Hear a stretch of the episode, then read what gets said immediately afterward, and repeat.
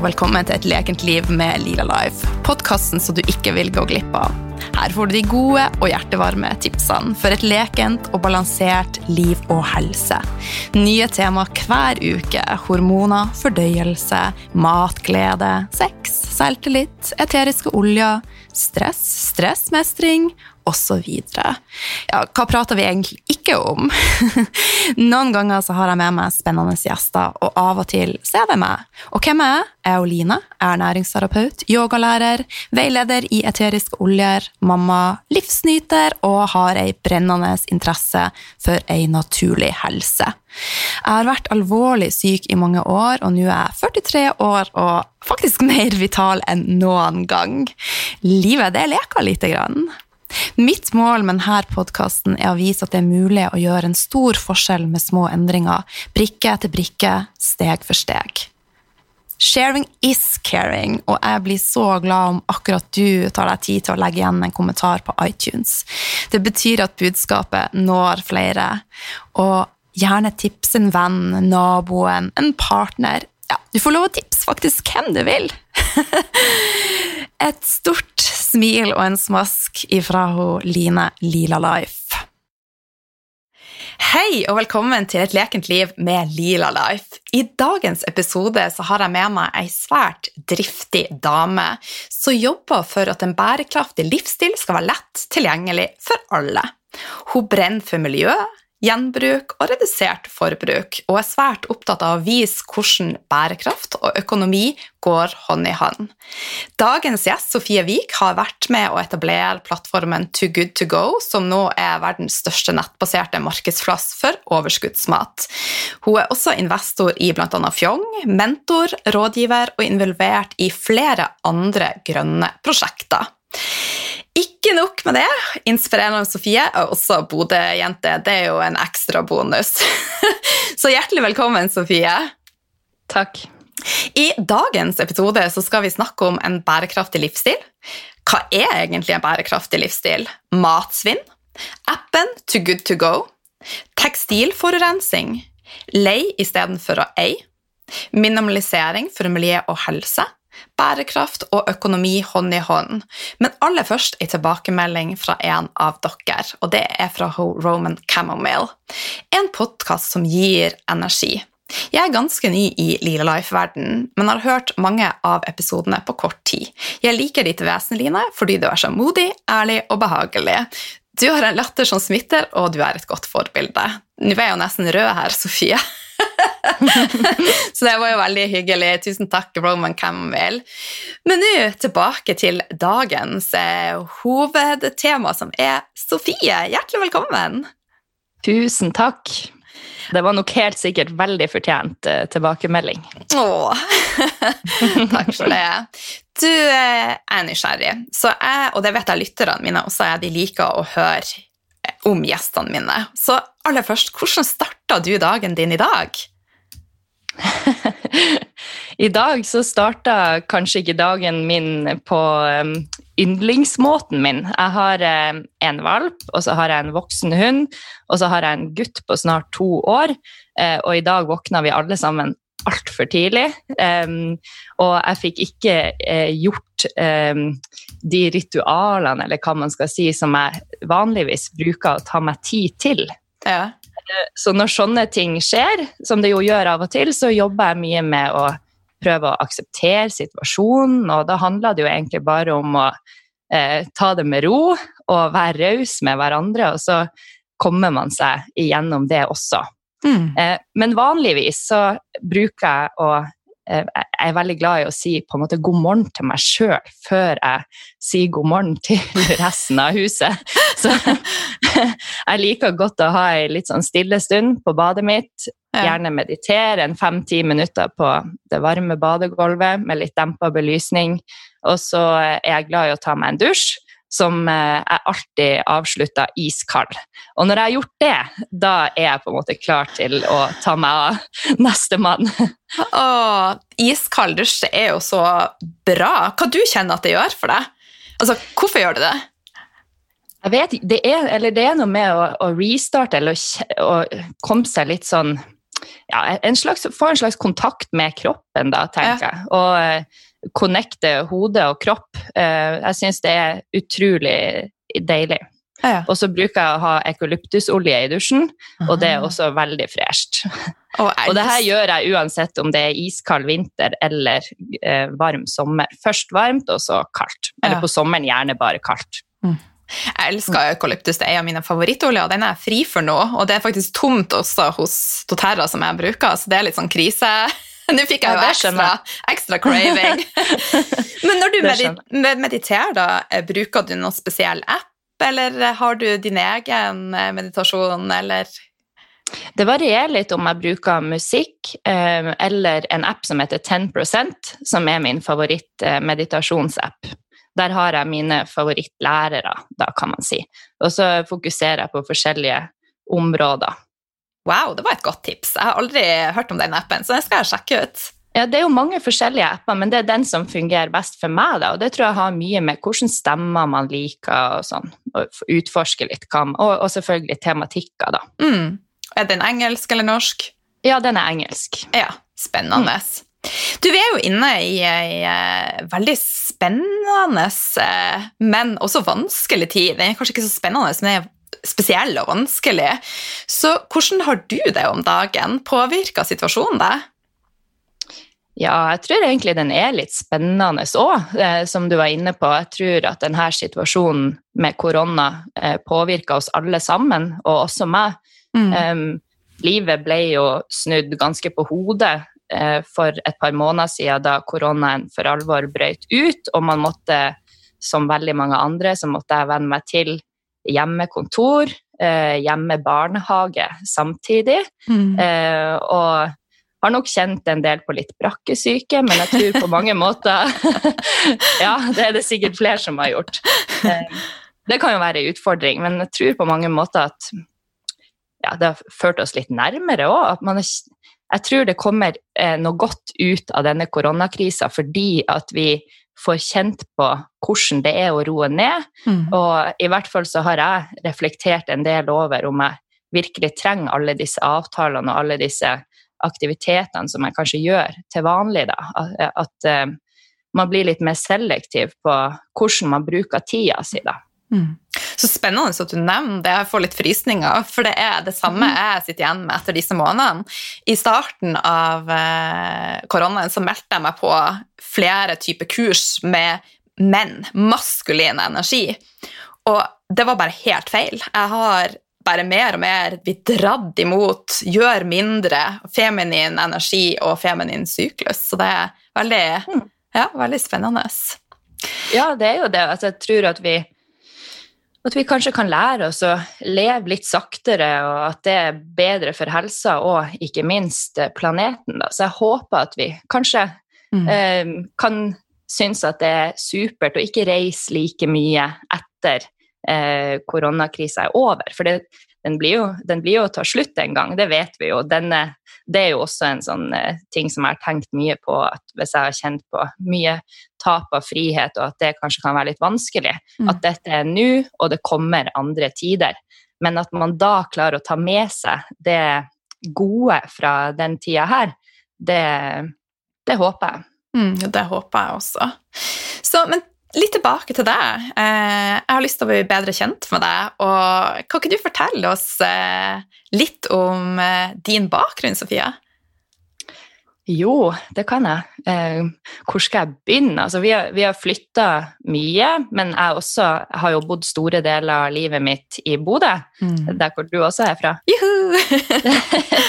Så det er artig. Jeg elsker Bodø, og jeg er veldig glad i naturen, og familien min har alltid vært mye ute i naturen i eh, all slags vær.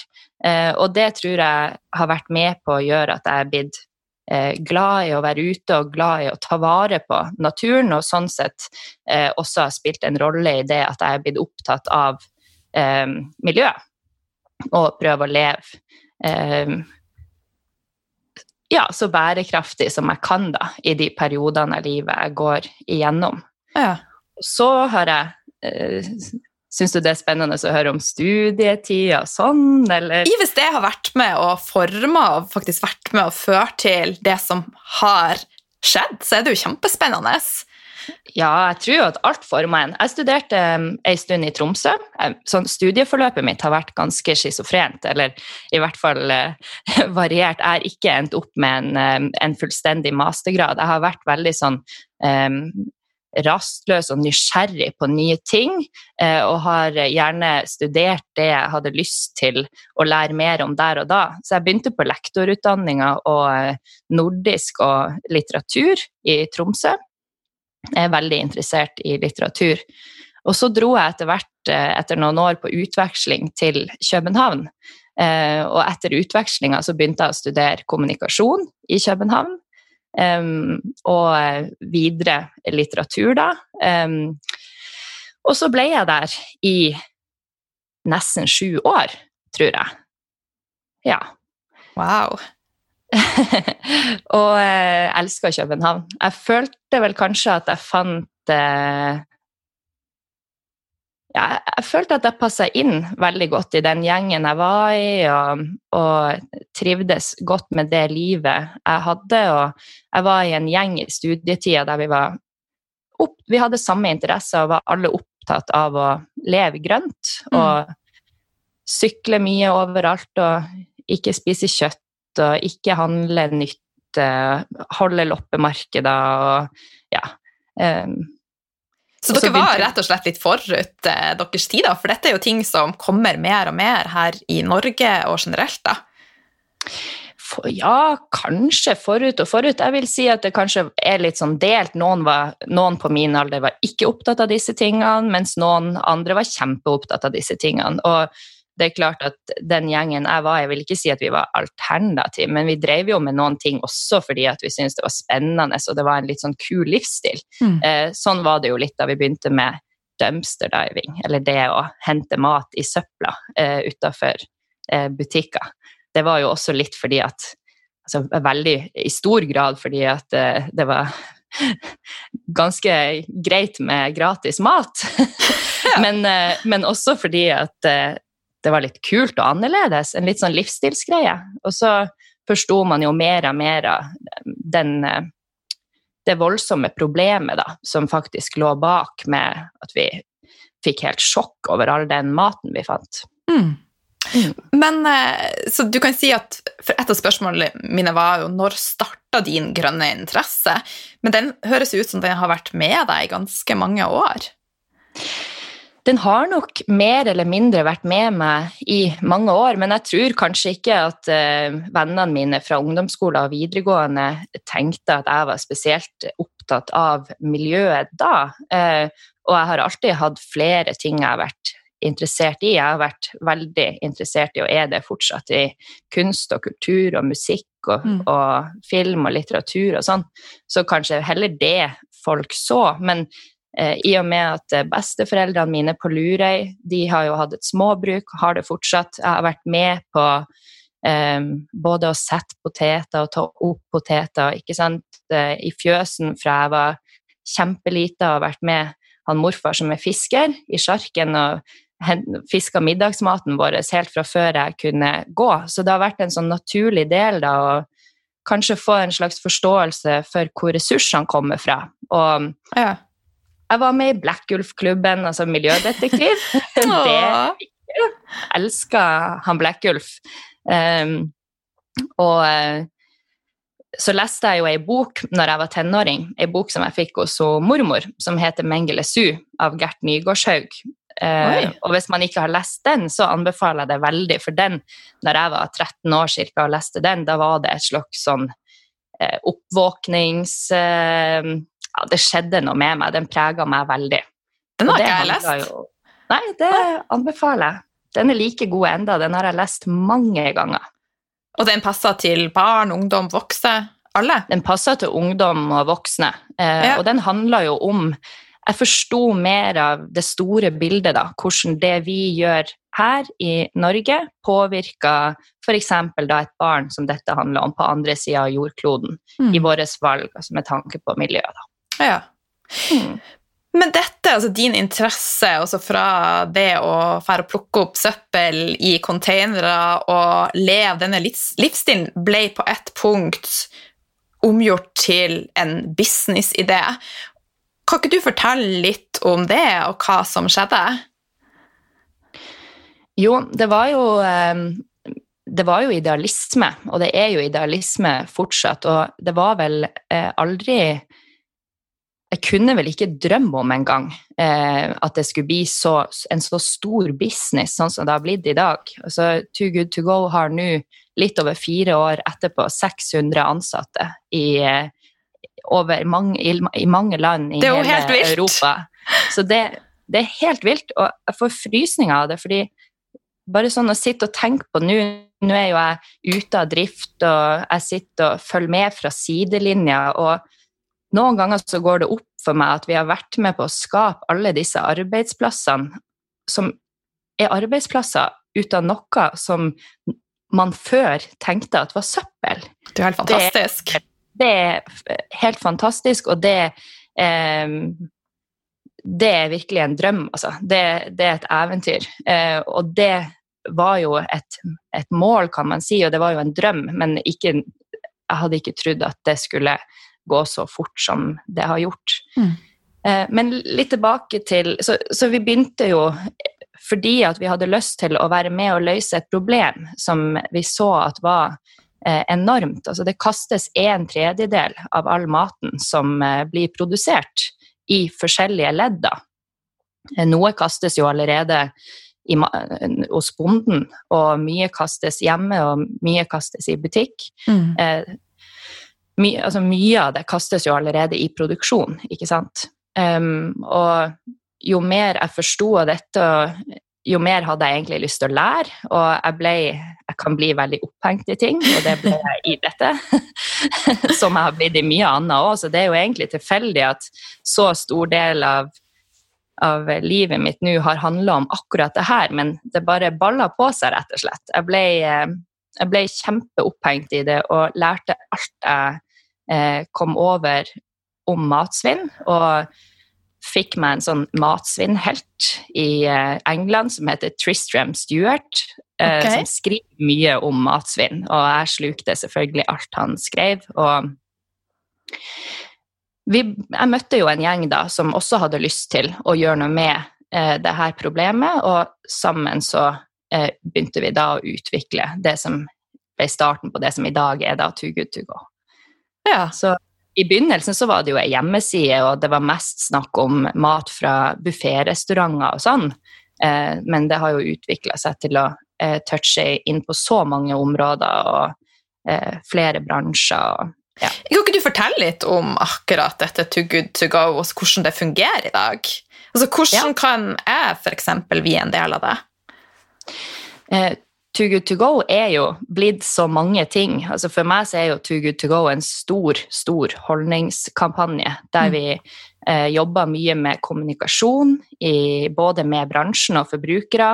Eh, jobber med å, å, snakke med folk om hvordan vi kan bli flinkere til å ta vare på maten og bruke opp det vi har. Eh, og bare gjøre hverandre oppmerksom på dette problemet, og at det faktisk finner finnes løsninger, da. I tillegg så er jo Too Good To Go blitt en, en stor bedrift. Um, og eh, forretningsmodellen er veldig enkel. Det er en plattform som kobler sammen eh, bransjen, som har mat til overs ved stengetid, eh, med forbrukere som du og jeg, eh, som har lyst til å redde denne maten fra å gå i søpla. Eh, ofte så har jo f.eks. et bakeri mat igjen når de stenger dørene klokka f.eks. seks. Mm. Eh, og det er jo helt idiotisk og absurd og ja, et stort problem at denne maten da bare tidligere gjerne har blitt kasta, eh, men nå blir den da som oftest i Norge i dag lagt eh, ut i Too Good To Go-appen. Wow. Så denne appen kan man da gå inn på telefonen og bare laste ned, og så kan man gi og også få, kanskje? Eller? Ja da, altså man kan eh, gå inn i AppStore eller Google Play og laste ned Too Good To Go. Um, og der kan man uh, logge inn, og da får man opp via GPS ei liste over uh, hvordan spisesteder, restauranter, kantiner, kiosker, matbutikker Alle som har mat til overs i nærheten av deg, da.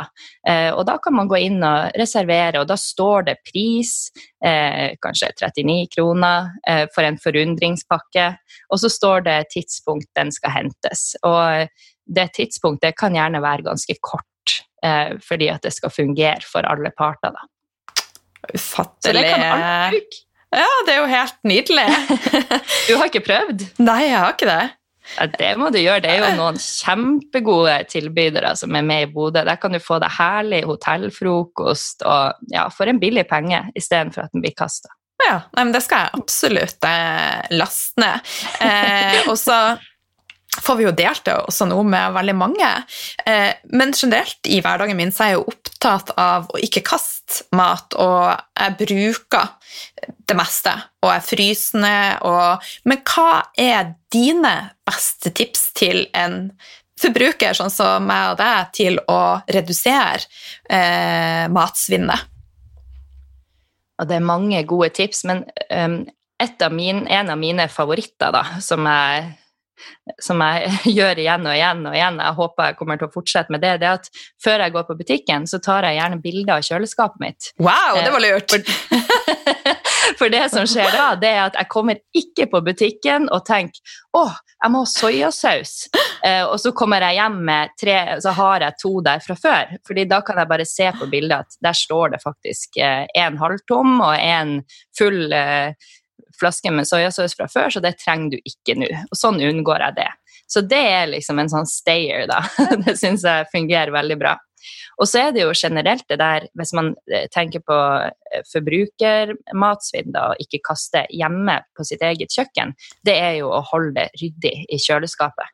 Det er så enkelt at det eh, lages til en sånn liten matkirkegård bakerst i kjøleskapet, der mm. det er en, et sammensurium av tacosaus og en gammel banan og en salat som er blitt vissen og er vann på fordi at det kanskje er litt frost bakerst der, og ja. det der er, er, veldig vanlig. Så det å ha system, ha ei hylle for hver ting, og ikke ha det så overfylt, og gjerne ha en liten kurv der det står 'må spise snart', f.eks., der man legger ting som eh, ja, som holder på å bli litt slitent, da. Mm. Eh, det syns jeg er kjempelurt. Og så er det jo eh, supper, sauser og smoothie er genialt. Der kan man putte oppi en sliten agurk og alt mulig som du ikke trodde at du kunne spise fortsatt.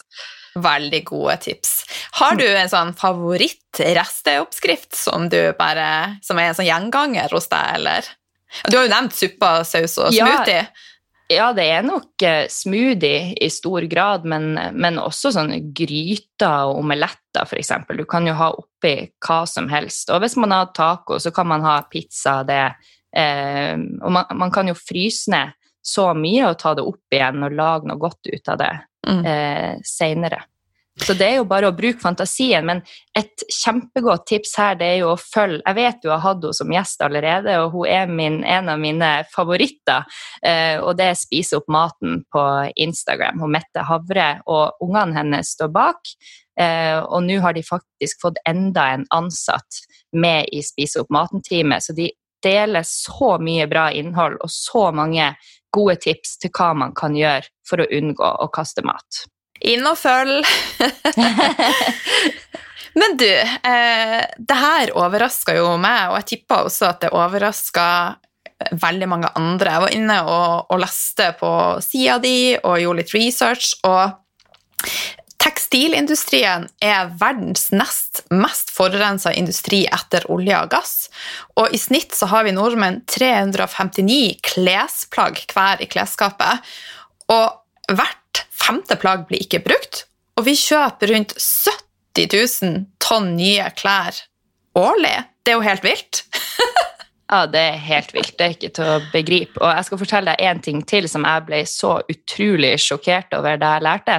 Og det er jo det at jeg trodde på mange måter at vi er opptatt av det her, og at vi er blitt mye flinkere og bedre, og at det er kjempepopulært med Finn og Tice og du vet å gå på loppemarkedet og bruktbutikk og sånn. Mm. Men i dag, sammenligna med i 1995, så kasta vi 80% mer klær. Altså Wow! 80% mer klær kastes i dag sammenligna med i 1995. Det er jo kriminelt. Det er, det er helt Det henger ikke på greip. Og det er ikke snakk om klær som går til Fretex, f.eks. Det er klær som eh, kastes rett i søpla. Jeg kjenner jeg Um, blir trist. Jeg blir trist, og, eh, og jeg blir også motivert, fordi jeg kjenner at mm. det er bare et signal på at eh, bransjen er moden for endring. Og jeg tror jo mye av dette skyldes fast fashion. Altså veldig billige klær eh, og masseproduksjon av klær som eh, går ut av fasong etter to vask osv., som man aldri rekker å egentlig bli glad i. Eh, og dermed så bryr man seg kanskje ikke så mye om å ta, ta vare på det heller. Mm. Hvordan er ditt forhold til klær, da? Ja, hvordan er det? Jeg er vel ingen fasjonist, da. Men eh, jeg er nok opptatt av eh, hvilke klær jeg går i, og eh, vil gjerne ha klær som jeg føler identi som, som speiler identiteten min, og som, som jeg syns passer til meg. Jeg vet veldig godt hva jeg liker og ikke liker. Um, og jeg liker jo godt å ha um, gode basisplagg av god kvalitet, som gjerne kan vare veldig lenge. Uh, og så er jeg glad i å kjøpe det jeg får tak i, det jeg kan kjøpe, brukt. Mm. Um, det gjelder både for meg og for sønnen min. Um, men når vi kjøper nye klær, eh, så er jeg veldig opptatt av at det skal være produsert sånn at det er best mulig for miljøet, og at det skal være kanskje sånne plagg som er såpass tidløse eller spesielle, hvis du skjønner hva jeg Mm, mener, sånn at de varer i lang tid, og at jeg blir skikkelig glad i dem. Ah. Og så liker jeg ikke å ha for mange klær i skapet på en gang, for da blir jeg sånn halvgæren. Det blir for mye rot. Og det skjønner jeg. Jeg tenker Vi skal komme litt tilbake til det. Jeg har hørt en del podkaster og lest om det i det siste. Hvordan man kan okay. minimalisere klesskapet. Men du har Ja, nå spennende. gått inn som investor også i Fjong. Kan ikke du fortelle oss hva Fjong er for noe? Ja, Fjong er jo helt fantastisk. Fjong er jo framtida. Det er jo eh, klesdeling satt i system, eh, rett og slett. Det, la oss si at jeg syns eh, du har noe fint, jeg vil gjerne låne det litt, og omvendt. ikke sant? Det er jo sånn man ofte gjør med venninner, men her er det altså bygd en plattform sånn at det fungerer i stor skala og er skalerbart. Og det er utrolig kult. Og jeg tror at eh, fle- på flere og flere områder så kommer vi til å se det at deling blir helt normalt. Så Fjong er rett og slett en plattform der man kan leie ut klær man ikke bruker sjøl i en periode, eh, og man kan også leie klær eh, istedenfor å kjøpe seg noe nytt. F.eks. når våren kommer og man blir litt sugen på ei ny vårjakke eller ei fresh skjorte eller en kjole til 17. mai, ikke sant? Så, eh, så kan man leie det på Fjong istedenfor å måtte gå i butikken. Og det er et uendelig stort eh, klesskap, og det består av både klær som er våre, altså forbrukerne sine, men det består også av lagre til f.eks. Baitimo Timo og Mm. kjente designere. da. Men kan Eh. man benytte seg av det her uansett hvor man bor i landet? Ja, det kan man nemlig, for vi leverer fraktfritt over hele landet, og det samme med retur. Og så er det sånn at hvis ikke plaggene passer, så eh, behøver man ikke å betale for det. Og akkurat nå så driver jeg og tester eh, vår første pilot på eh, klesabonnement, og Ah. det er helt fantastisk. Det er bare å glede seg. Og hvis man er interessert i å sette seg på liste, så kan man gjøre det inn, på venteliste, da. Så kan man gjøre det inne på hjemmesida. Og det er rett og slett sånn at nå får jeg på døra mi i begynnelsen av hver måned fire nye plagg. Eh, som jeg har valgt ut sjøl. og så når jeg er ferdig å bruke de, altså etter en måned, så henger de på døra mi igjen. Og så blir det sendt tilbake til Fjong på Skillebekk. Eh, og så får jeg fire nye plagg som jeg har valgt meg ut. Så det blir på en måte en sånn slags Spotify for klær, da. Wow! Og jeg har ikke trang til å kjøpe meg nye klær til vårgarderoben. Nei.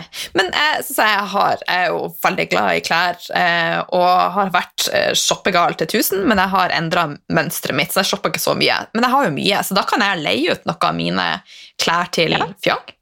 Det kan du absolutt, og det som er kravet, er at eh, det må være av god kvalitet, og ikke f.eks. et em, et, et veldig billig plagg i utgangspunktet da, som går sunn etter to vask, f.eks. Men Mm. eh, jeg eh, skifta fasong etter jeg ble mamma, og hadde noen fine kjoler som jeg ikke får brukt nå. Eh, og da har jeg leid de ut på Fjong. Og så kan jeg tilsvarende da leie noe lignende kjoler, men som passer til meg nå. Så slipper jeg å kjøpe nytt. Nydelig. To spørsmål. Eh, I forhold til da Det er sikkert mange som tenker er det trygt å bruke andre sine klær i forhold til renslighet og sånne type ting. Ja, mm, det kan godt hende. Det skjønner jeg veldig godt. Det er jo litt sånn spesielt hvis man ikke er vant til det. Men ja.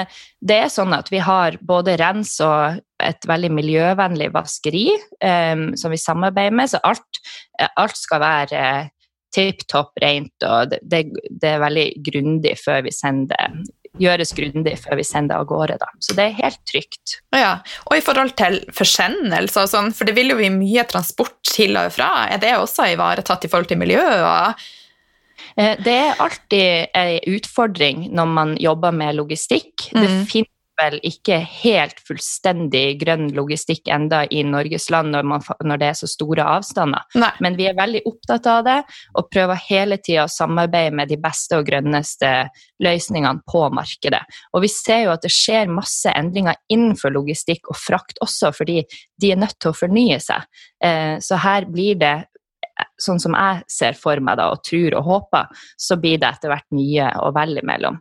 Mm. Og nå bruker vi jo helt hjem, og der det er eh, mulig for det, så brukes det jo f.eks. da elbil eh, og tog og, og sånn de grønnere alternativer. Så bra. Eh, Sønnen min han er snart 17, og de driver og trader klær. De har lukka gruppe der de gjør det litt på samme måten. Eh, han, for eksempel, hvis han har veldig hangups på et Michael Jordan-sko, eller et eller annet, så kan han bytte bort to gensere, og så får han det. Og de bruker også en sånn bil som kjører innom veldig mange plasser før det kommer hit, så det tar jo gjerne to uker. Men det er jo genialt at det skjer sånne ting. Det er helt genialt. Det er sykt artig eh, at, eh, at de er opptatt av merkeklær, det er jo én ting, men at, eh, at de gjør det på den måten, det er utrolig fremtidsretta og kult og trendy. Da. Mm. Og så tenker jeg at eh, det der med merkeklær, det er jo det er jo én ting, det kan jo være kjempeirriterende, men kanskje gjør det at man får ei bukse av litt bedre kvalitet som man er kjempefornøyd med, som kanskje kan gå i arv og trades og sånn som du snakka om nå, istedenfor at man ønsker seg ti forskjellige billige fra ja, jeg trenger jo ikke å nevne navn, men Nei. jeg husker i hvert fall det når jeg arva med 60-buksene til eh, helten min eh, slash fem år eldre kusina mi eh, da jeg var tenåring. Det var eh, det kuleste i verden, og det var så stas og spennende. Og jeg var så glad i den buksa. eh, At den betydde mye, den betydde mye for meg. da. Mm. Og da blir man jo opptatt av å ta vare på det òg. Selvfølgelig sydde man hullet hvis det ble hull på kne. Mm. Det gjør man kanskje ikke hvis det er ei billig bukse som man ikke bryr seg om allikevel. Nei, da blir den jo gjerne kasta, og så blir det forurensning. Så Ja. Og jeg vil bare poengtere at det handler ikke om pris, det handler om billige materialer som blir ødelagt med en gang og mister fasong, sånn at man ikke rekker å få tilknytning til plagget, rett og slett. mm. Man kan jo gjøre noen kjempegode, billige kupp. Ja. Eh, så, så det er ikke det det handler om, det er mer det at det er brukt dårlige materialer, da. Hva vil du si er gode, miljøvennlige materialer? Og det er jo altså, dungeristoff som er, eh, som er holdbart og som varer lenge, og eh, økologisk bomull Mm. eh, er jo fint, og lin f.eks. Ja. Og hvis vi skal Og at at Ja. man ser på merkelappen at det ikke er eh, syntetiske stoffer som igjen eh, slipper ut mikroplast, f.eks. Jo, jo renere det er, jo bedre er det jo. Å, ja. Og hvis vi skal oppsummere nå, da, hvorfor lei istedenfor ei? Gi meg noen stikkord, sånn at vi klarer å, å trigge litt. det er fordi at vi forbrukere um, altså Først og fremst er jeg veldig opptatt av at de eh, miljøvennlige alternativene og løsningene som skal komme på banen, og som er på banen nå, det må være reelle konkurrenter til det vi allerede har. Og jeg syns personlig det er mye kulere å leie noe litt spesielt og fint som jeg kan ha en stund, istedenfor å bare kjøpe meg noe som jeg egentlig ikke brydde meg så veldig om fordi jeg hadde så lyst på noe eh, nytt, impulsivt. Mm. Eh, så sånn sett så er det bedre, og det er gunstig økonomisk. Og så er vi forbrukere nødt til å ta ansvar og vise industriene hva det er vi ønsker. Eh, og når vi tar ansvar, så lytter de til oss. Og hvis vi viser at vi eh, ønsker å leie en stor del av garderoben vår, så kommer vi til å se at det skjer, at det får, sånn, at det får ringvirkninger. Da. Og det er jo mm. det vi drømmer om, at det skal bli helt vanlig å leie istedenfor å eie. Jeg tipper hvis vi spoler nå frem ti år, så vil det ha skjedd en stor endring. Jeg er ganske sikker ja. på det. Absolutt. Og det som, er, det som, er, så viktig, da, at det er, gode, det er, gode, nyheter. For det er sånn at hvis vi bruker et plagg Du snakka jo om at vi har eh, mange plagg hver, eh, og mange, hvert femte henger ubrukt. ikke sant? Mm. Men hvis vi hadde brukt hvert eneste plagg vi har, bare dobbelt så mye, så hadde det kutta eh, klimaeffekten med omtrent halvparten. Eller utslippene da, med omtrent halvparten. Så det handler om at vi kan gjøre en stor forskjell ved å faktisk være glad i de få gode plaggene vi har, og leie og kjøpe brukt eh, istedenfor å handle så voldsomt mye nytt og billig som går sunn med en gang. Hm. Hør dere, vi er nødt til å gjøre endring. ja. ja. Eh, altså, jeg gir mye til Fretex og andre sånne type organisasjoner. Eh, men så leste jeg en artikkel om at for veldig mye av klærne vi jo sendt til andre land, som eh, India etc. Jeg leste en plass at det kunne igjen være ødeleggende for landets industri, at de da si at de får gratis klær, ikke kjøp i sitt eget land. Har du noen tanker der? Ja, det er jo en, det er jo god, godt å reflekt, eller bra å reflektere rundt det, og jeg har ikke noe svar på det her. Det er ikke svart-hvitt, tenker Nei. jeg. og jeg ser denne problemstillinga også i andre bransjer, f.eks. i matbransjen, mm. Der man ofte tror at eh, hvis det sendes mye mat hit, så får ikke de mat, de som De får ikke tilgang på nok mat, de som bor der. Men veldig ofte er det sånn at de som er fattige i f.eks. et u-land der det mm. produseres en vare som sendes til Norge, da, de får ikke tilgang på denne maten uansett fordi de ikke har råd til det. Mm. Um, så, så, det som ikke sendes av bananer, f.eks., til Europa, det vil ofte kastes. Det vil ikke gis ut gratis i mange tilfeller, dessverre, til de som bor der. Så jeg tenker jo det at å gi klær gratis til fattige og i barn i u-land og familier i u-land som ikke har råd til å kjøpe seg klær mm. uansett. Det tenker jo jeg at er en fin ting. Men som sagt, jeg har ikke svar på det, men det kan godt hende at de ikke har råd til klær i landet sitt uansett. Mm. Jeg har heller ikke noe svar, jeg er bare nysgjerrig, og det vet jeg du mm. også er. Ja, Så det, det, er viktig å reflektere over uh, ting. Ja. Så, Nei, men jeg, jeg, tror det at uh, altså jeg, I mitt hode så gir det mening å sende klær til de som ikke har råd til å kjøpe klær der. Og jeg er ikke så sikker på at de hadde hatt råd til å kjøpe fra de uansett. Mm. Mm. Du, vi var litt inne på det, du toucha på det innom det å ha et overfylt eh, klesskap er ikke bare eh, forurensende, men det kan også være stressende. Eh, hvordan har du ditt klesskap? Kan du fortelle litt? Og ja um, Jeg har jeg har jo jeg, jeg, Du sa at du hadde hørt litt på podkaster om forskjellige sånne Da tenkte du kanskje på For jeg hørte en podkastepisode hos Lise i Pengesnakk der hun snakka om sånn kapselgarderobe. Ja, jeg um, hørte på, på hun som har starta dette kapselgarderoben, og det går jo på 33 plagg.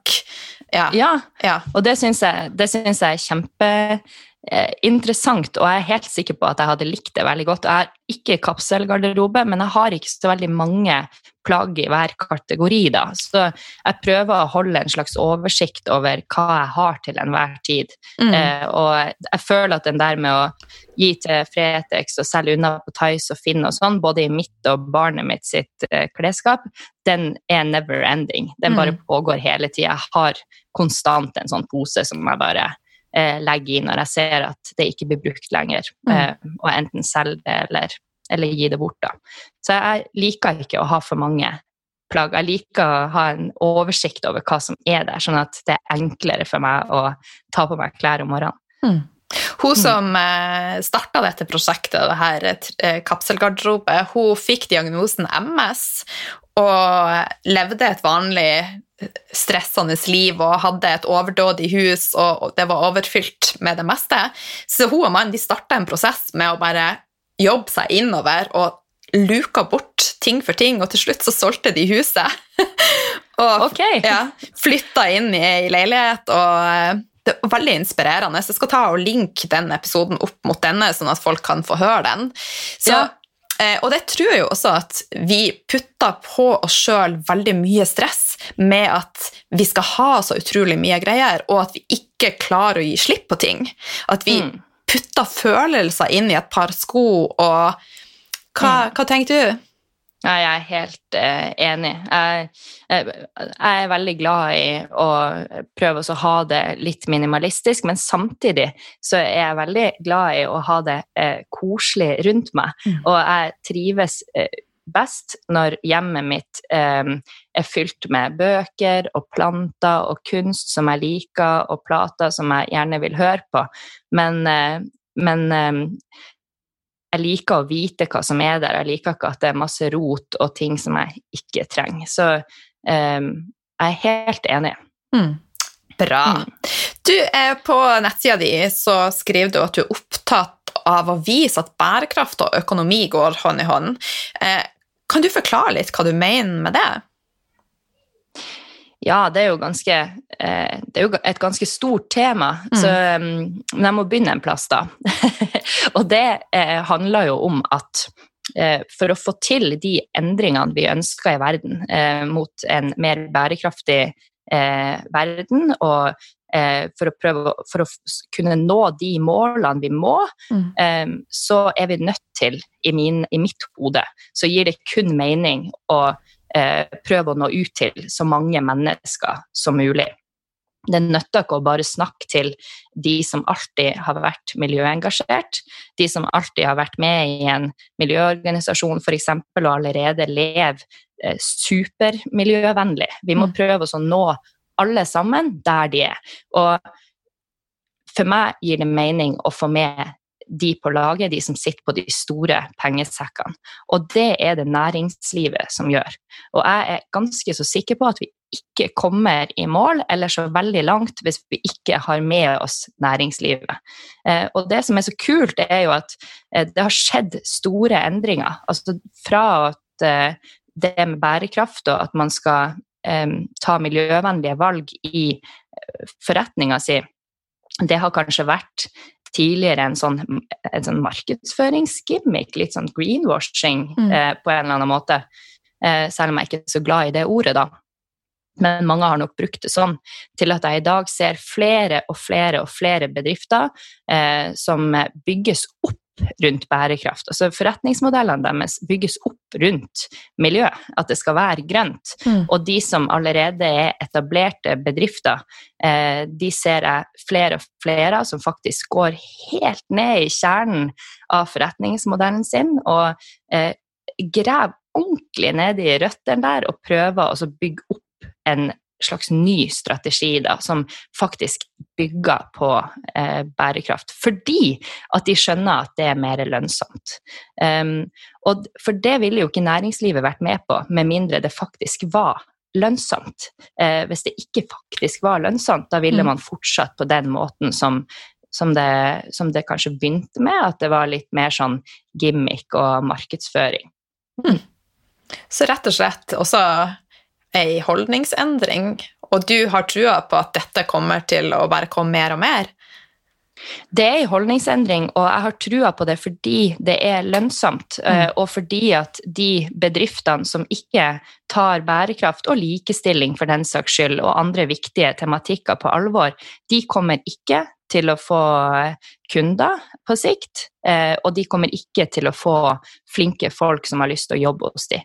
Eh, det er jeg helt sikker på at om noen år, så noen få år, kort tid, så, så bryr forbrukerne seg enda mer om hvor man handler, hvordan, hvem som lager de tjenestene man bruker. Og når man skal ut i jobb for første gang, f.eks., og altså, min generasjon, da, millennials, vi vil jo gjerne eh, vi vil jo gjerne jobbe for selskaper som mener alvor, og som tar mm. ansvaret sitt seriøst. Og sånn tenker jeg at de fleste kommer til å ha det etter hvert. Yes. Så det gjelder bare å henge med, hvis ikke så detter man av. Det er helt sikker på. Ja, so much yes. Men du, du er jo eh, gründer eh, og har vært det i noen år nå, og du har jo i stor grad lyktes. Eh, kan du fortelle litt hvordan det er altså hverdagen som gründer er, og har du noen gode tips til andre som sitter og ruger på et sånn gründeregg i magen sin? Ja, hvordan hverdagen er, den er jo veldig um, er, det, det, er jo veldig variert, da. Eh, når man starter opp bedrift, så er det jo eh, mye ned altså man, man, jo, man, er jo blekksprut, man har jo alle arbeidsoppgaver. Eh, så jeg tenker at man må jo like det å virkelig ned i maskineriet og bli skitten på fingrene og gjøre hele jobben, da. Mm. Um, og så tenker jeg sånn du spurte om jeg hadde et tips, um, og jeg tror at um, så jeg tror at mange har guts. Vi får veldig ofte høre at vi kvinner ikke er så risikovillige, og at vi er litt sånn eh, satt i de trygge rammene og ønsker trygghet og ikke eh, har så lyst til å kaste oss ut i nye ting og sånn. Eh, og det tror jeg jo Det stemmer jo ikke ikke på mange måter, men så tror jeg også at det er noe i det, og at vi kan bli litt flinkere til å prøve å eh, tenke at det spiller, stor, det spiller, ingen rolle om vi feiler. Tør å prøve å feile. Hvis man skal prøve på noe som nesten er eh, umulig, altså som er et skikkelig vanskelig prosjekt, så er det jo en, en det er jo stor sannsynlighet for at man feiler, men at terskelen ikke Eh, er så høy for å prøve likevel. At man mm. ikke tar seg så høytidelig at man sånn I mitt tilfelle da, så la jeg egentlig helt bort meg sjøl.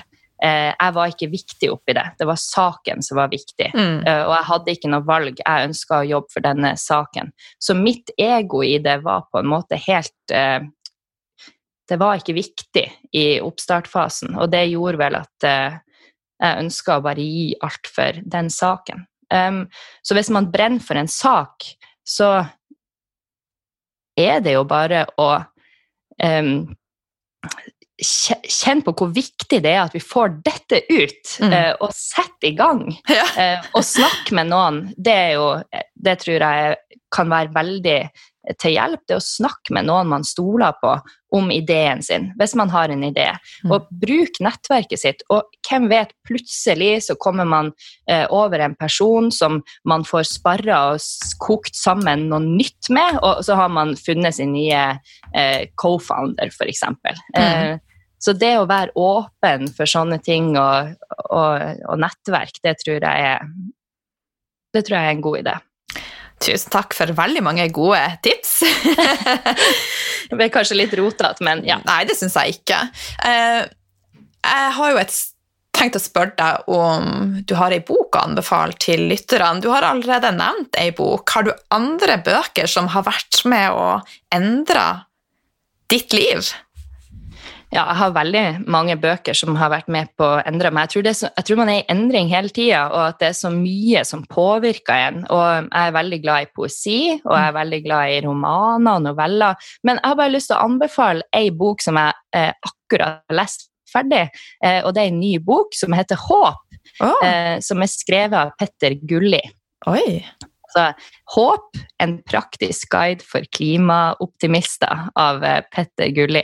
Og den boka er så fin fordi at den gir faktisk håp. Den tar opp det. Nå snakker vi jo om bærekraft og, mm. og klima og sånn, og den, eh, den tar opp selvfølgelig problemene, men den har også en veldig positiv vinkling og fokuserer på hvordan vi mennesker eh, Det tror jeg veldig på også, både når det gjelder matsvinn og veldig mange miljøproblemer, at vi har i stor grad skapt problemene.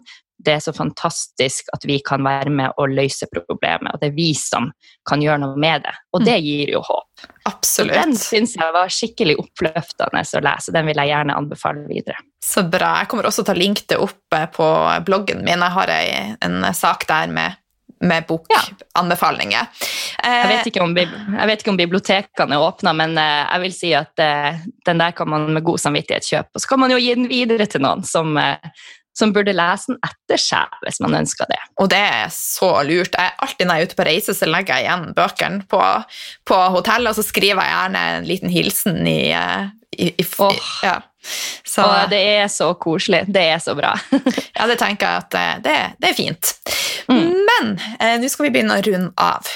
Har du lyst til å bare oppsummere eh, og gi en sånn ja, finish? Hvordan kan vi komme i gang med en grønnere livsstil, Sofie? Oi! Stort spørsmål! det er et veldig stort spørsmål. Men jeg tenker at jeg må jo tilbake på matsvinn. La oss si at man, eh, la oss si at man eh, man um, ikke har levd så miljøvennlig tidligere, men syns at det høres spennende ut og gir mening og sånn, da er noe med det enkleste man kan begynne med, som faktisk gjør en, som, som gjør en stor forskjell, det er å spise opp den maten som man faktisk har kjøpt. Eh, og det er jo fordi det kastes så enorme mengder mat, eh, og det, det, krever så mye ressurser eh, for å lage denne maten, mm. og samtidig er det utrolig mange som sulter og som ikke har råd til mat. Eh, og det er Det krever eh, når, man, når, man, forstår eh, alle ressursene som eh, har vært med på og vært i sving for å få lagd maten, så tror jeg at man eh, husker på det litt mer òg, at vi må være flinkere til å ta vare på de, disse ressursene. Og det er ganske enkelt å ikke kaste mat, hvis man planlegger mm. litt bedre eh, og følger noen sånne enkle råd, eh, sånn som f.eks. å ha det ryddig i kjøleskapet. Så det er jo nummer én. Og nummer to vil jeg si sorter søpla hjemme. Mm. Det er på en måte eh, first step, da. Mm. Basic. Og ikke så veldig avansert. Mm gode tips. Det har vært en eh, glede og en ære å eh, ha deg med i dag. Eh, og jeg tipper det er sikkert veldig mange som er nysgjerrig på å sjekke deg ut. Hvor kan lytterne connecte med deg? Jeg har ei hjemmeside som heter www.sofievik.no. Der skal jeg prøve å være litt flinkere til å oppdatere oftere. Og så er på Instagram. Der heter jeg Snulfepi. Det gamle MSN-nikket mitt. Ah. Men der finner du meg, altså. Snulfepi på Instagram. Ja. Tusen takk, Sofie. Tusen takk for at jeg fikk komme. Det har vært kjempehyggelig.